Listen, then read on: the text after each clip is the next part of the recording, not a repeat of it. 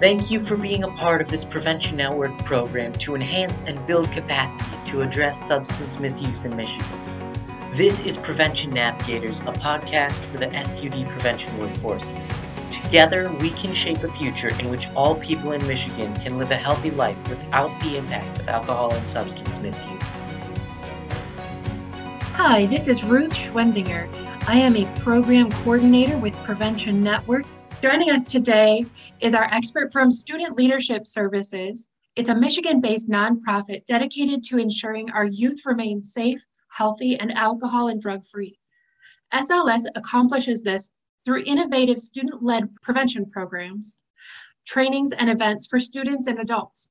Since its inception in 1982, SLS has empowered students and adults to create safe, supportive, interactive, and engaging student led environments so that they can lead change in their communities.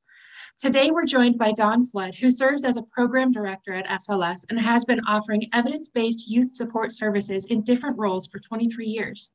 Good morning, Don. Good morning. Can you tell us uh, what drives your work with youth? What are you personally so passionate about with that? Awesome. That's a great question. Well, as you said, I've been in the field uh, 23 years. This is actually my, my 24th year working with students. And I actually started as a college freshman. And I remember uh, I went off to college and I was 18 years old. And someone at college gave me the opportunity to educate my peers on choices. They said to me, if you had an opportunity to, you know, save your peers from making, you know, unhealthy decisions, what would you do? And so, right from the get go, as 18, it became a passion of mine. And one of the reasons that I continue to be passionate and I continue to do this is because of the students. The students have courage. And when I say that, and it's not trite, but I really see that the students have more courage than adults. Adults seem to sugarcoat things. Uh, students, they lay it out there, they get it to the core. And that's that's the beauty of working with students.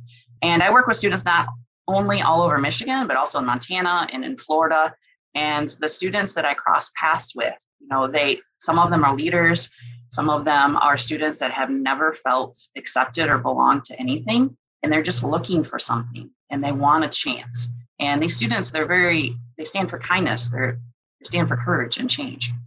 And one of the things that continues, they educate me, and that's the one of the greatest things I love about working with students, is they see a concern or a need in their school or community and they do something about it they're the ambassadors, they're the leaders. And when they share their voice, they stand up and they speak up for things that some adults would never have done. And some of the things that, you know, they talk about, you know, I get a little, you know, shy about. And so I'm in awe of them because they become my role models because of the courage they have. Talking about courage and I'm thinking of one of my favorite moments in the Harry Potter movies at the very end of the first movie when Neville Longbottom gets 10 points and wins the House Cup because he had the courage to stand up to his friends. Yeah. And that really is a world changer in today's, you know, in the schools, in our in our youth programs, in our communities because we need people of courage. And oftentimes adults are intimidated to talk mm-hmm. to youth and it really is beneficial to have somebody who speaks in the same language and the same wording and the same phrases and who has some of the shared experiences that adults don't have right now. How do you get students to voice what matters to them? There's so many different platforms for people to be heard. And when we're talking about having the courage to speak about what's important to them and, and how to really share a prevention message with their peers, how do you get students to voice what's mattering to them, what's important? Well, first of all, it's all about relationships. Everyone needs relationships, and relationships start at birth. And so, as humans, we create relationships. So, we have to start there. We got to start building relationships. And so, part of building relationships or establishing rapport is to have a sincere interest in them, the students, and in the belief in their ability. Students come to SLS because they get to do what they want to do. So many students have told me that, that we put trust into them and we do uh, what we say we're going to do. And so that's huge. And so, three key strategies that we use um, to help the students know that they're valued and know that they heard.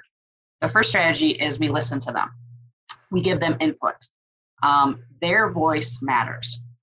They want to make their schools and their communities better. They want them to be safe for themselves and their peers. They want to help their friends stay safe. And undoubtedly, they know that what the most pressing problems are. So we ask the question we ask them, what is it that you are concerned about for your peers that you feel you could make an impact or change? When you ask that question and you let them have the conversation and they get to uh, down and dirty and get to the core of what they're really passionate about, what they're really concerned or afraid about, it's all about listening. And when you listen to them and you let them have that input, you got them. You have that relationship, you have that rapport. So the first strategy is listen, really listen to them. The second strategy is engage them. One of the things is students, they aren't helpers in adult created projects. They need to decide what's meaningful to them and create their own projects. Now, they'll seek out adult guidance and um, expertise when they need it, but it's really about them. Let them take the ball and run with it. And when you give them that choice and they know that they're valued and that you trust them uh, to do what you're asking them to do, then you have engagement. And again, that's all about building relationships. So the second one was engage them. And then the third is coach them and the leadership skills that they need and then let them lead. The students have desire and they have the capacity and the passion, but sometimes they don't have all the skills and the knowledge yet. Okay. As adults, we do, but we don't necessarily need to know how to write that speech. We've done that. So we have to teach them, we have to model for them. And by doing that is work right alongside the students, provide them with the education and the tools that they need to bring the projects to life. Then we give them a platform to implement it. And that's huge. Okay. Is as the adult follow through and let them implement their projects, let them implement their ideas, let them get on the stage, on the microphone, let them create that video, that PSA. And then our role as the adults is to get out of the way. And that has to do with shared leadership. Now, I know I've been working with students for, like I said, this is my 24th year. I know it's hard as an adult. What takes them five meetings to figure out, Ruth, you and I could sit down and do in 20 minutes. Okay. But we know how to do all that. It's them going through the process. The thing with coaching them in leadership skills and then letting them take the ball and lead, uh, what happens sometimes is if the adults take the lead or they take over because they were taking too long, then that tells the students they don't trust them. And then that's where you get that, that adultism. Like, oh, well, you're just a student. You don't know better. Okay. But they do. They have the answer. So our role as the adult is to trust them and and step back. And I know that's hard. It's hard sometimes. Believe me, I get it. But when you let them go, it's it's a an awe. You you sometimes just sit back and like, wow, where did that come from? And that that's when they really shine and they become role models. A cool story I want to share because this really uh, represents relationships. It re- represents engagement and ownership, and it most importantly represents belonging and acceptance. And so, a story is about a young lady and uh, she was a freshman in high school. And she uh, didn't belong to any other club uh, in her high school. She wasn't an athlete. She wasn't strong in academics. She just didn't have a place. Well, her history teacher was the Students Leading Students or the SLS advisor. And he offered for her or welcomed her, invited her to come to one of their meetings. He said, just stop by. They're on Mondays in my room after school. Now, she only went because she really liked the teacher. She thought he was cool. So she showed up at this meeting and she loved the environment in the room. Everybody was accepting. They talked about things that she was interested in, and she found her place. And her place for four years in that group was she made the Kool Aid. And so, what I mean by that is every Monday they met. So, she got permission to get out of class 10 minutes early every Monday. And she made the Kool Aid for their meeting. Okay. For four years. And by the time she was a senior and she was getting ready to graduate, she was so nervous about graduating. But it wasn't that she was nervous about graduating, it was that she was nervous of who was going to make the Kool Aid because she was invested. That was her engage. She was engaged in doing that. And so what she did was she held interviews. Honest to goodness, she held interviews with uh, other students uh, about making the Kool Aid. So she'd ask them questions. If you have 35 students that come to your meetings, how many cups of for the Kool-Aid should you have? well, they better say more than 35 because what if somebody new comes?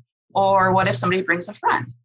And so that story, and I have many stories like that, but that one's my ultimate favorite because this was a story um, of a student that felt like they didn't have a voice or they didn't belong anywhere. And they found that place. And they found that thing that they were, um, you know, really connected to that they felt like, I have to do this because they count on me. And so that's huge. That's huge. Huge. I love that story. I love that story, right? And I tell that story all over the state of Michigan and all the schools I go to. And some of the advisors I work with have said, okay, Dawn, we've heard that Kool Aid story 20 times. but it's just, it's such a good representation. But if we look at it, you can show that you can acknowledge that she has developed specific skills, right? So she's planning, yes. she's evaluating, she's yes. um, predicting for growth and and providing for sustainability and you know interviewing people. Those are not Kool Aid person tasks, right? Those are leader right. tasks, and so she's developed those skills. It's amazing.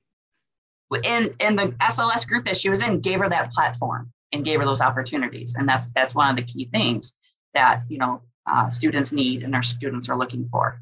The executive director of SLS, uh, Pam Boss Page, she's been with the organization um, since the beginning for 40 years. And one of the things that she always says is, uh, and I'm quoting her, uh, when we are at our best, we're not even there. And that's so true. And so as a, adults working with students, and you know helping them find their path and engaging them. When we aren't there that's when we're at our best in the prevention field because the students are doing and learning and making a change. It's them not us the adults. And so i always love that quote because it's true. Yeah absolutely. So we've empowered them we've set them up for success we've given them the tools they need to continue on and keep developing the prevention messages and the outreach and the skills. At some point, they will be in the workforce and joining and engaging in different ways.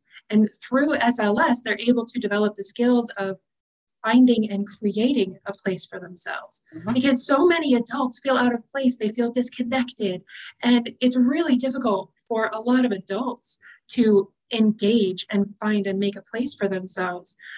There were two things you said earlier that I want to jump back to. Okay. When you were talking about listening to students as, as one of the, the specific strategies that you employ. When we're talking with students, oftentimes, so I have two teenage boys. oftentimes, when I'm talking to the young people in my life, I get a one word re- response or a grunt or something, sometimes a bare head nod, right? And so uh-huh. I'm wondering, you you touched on this a couple of times. Ask them what they are capable of changing, and then listen. One of the strategies that we use with adults is to dig deeper. So we'll ask the question, but then we'll ask them why at least three times to get to the root of, mm-hmm. of what they're addressing, what they're choosing to address. And that same strategy can be used with adults and with youth. And it should be because youth mm-hmm. and adults should be sitting at the same table. And so when we're talking about what are they capable of changing, oftentimes we don't take the first response. We'll take it and dig deeper, but we don't just leave it at first response because young people sometimes have a difference in perspective and a different level of depth of experience. And so oftentimes when we're working with young people, we'll get that first knee jerk reaction, that first res- response, and need to dig deeper. And adults work the same way. And so I want to encourage the people that are doing prevention work with coalitions, whether it's youth or adults, to continue asking what people feel they're capable of changing. Ask them what the real need is, but continue to dig deeper until you get to a root cause. the second thing I want to talk about is really just that level of respect and how you get people to open up and talk to you as you develop that respect in a relationship and you talk about the core of prevention work is relationships. And when we're, we're developing um, that level of respect oftentimes in my experience the young people i've worked with have been those have been in situations where they didn't know what respect looked like. They don't have self-respect. And so when we're establishing an environment where they feel welcome where they have a space to be heard when we're establishing the ground rules for interactions with other people what are those concrete ways that we can establish a, a base level of respect for everybody in the room? I think it starts with setting up the environment. So when you're meeting with students or even adults, it's how you set the tone of the room with the environment. So one of the things that that we do at SLS is when we do a workshop or training with students, or even just have a meeting with students, is um, we always one is we always bring uh, food, so some type of snack or something, because we know adults and students serve food, they will come and they will come back, right? You have some type of fun and and even with adults you know if they're coming uh, after school from being a teacher or a counselor all day or if it's a you know a coalition they're, they're coming on their own time with the students you want to have some source of fun where they can you know shake off uh, the stress of the day and you can set the room in a fun tone hang banners hang posters hang them upside down hang things on the ceiling have you know materials and, and props on the table that they can fidget with sticky notes. Uh, SLS were real big with sticky notes and, and flip charts. And so we designed the room so that when students and adults walk in, they feel like, wow, this is going to be fun, or this is not like school. Okay. And so it, you, soon as you set up that environment, you automatically engage them. And you, when you have the engagement, you have the respect. And then the other thing, uh, so food, fun. The other thing is recognition, which is really, really important.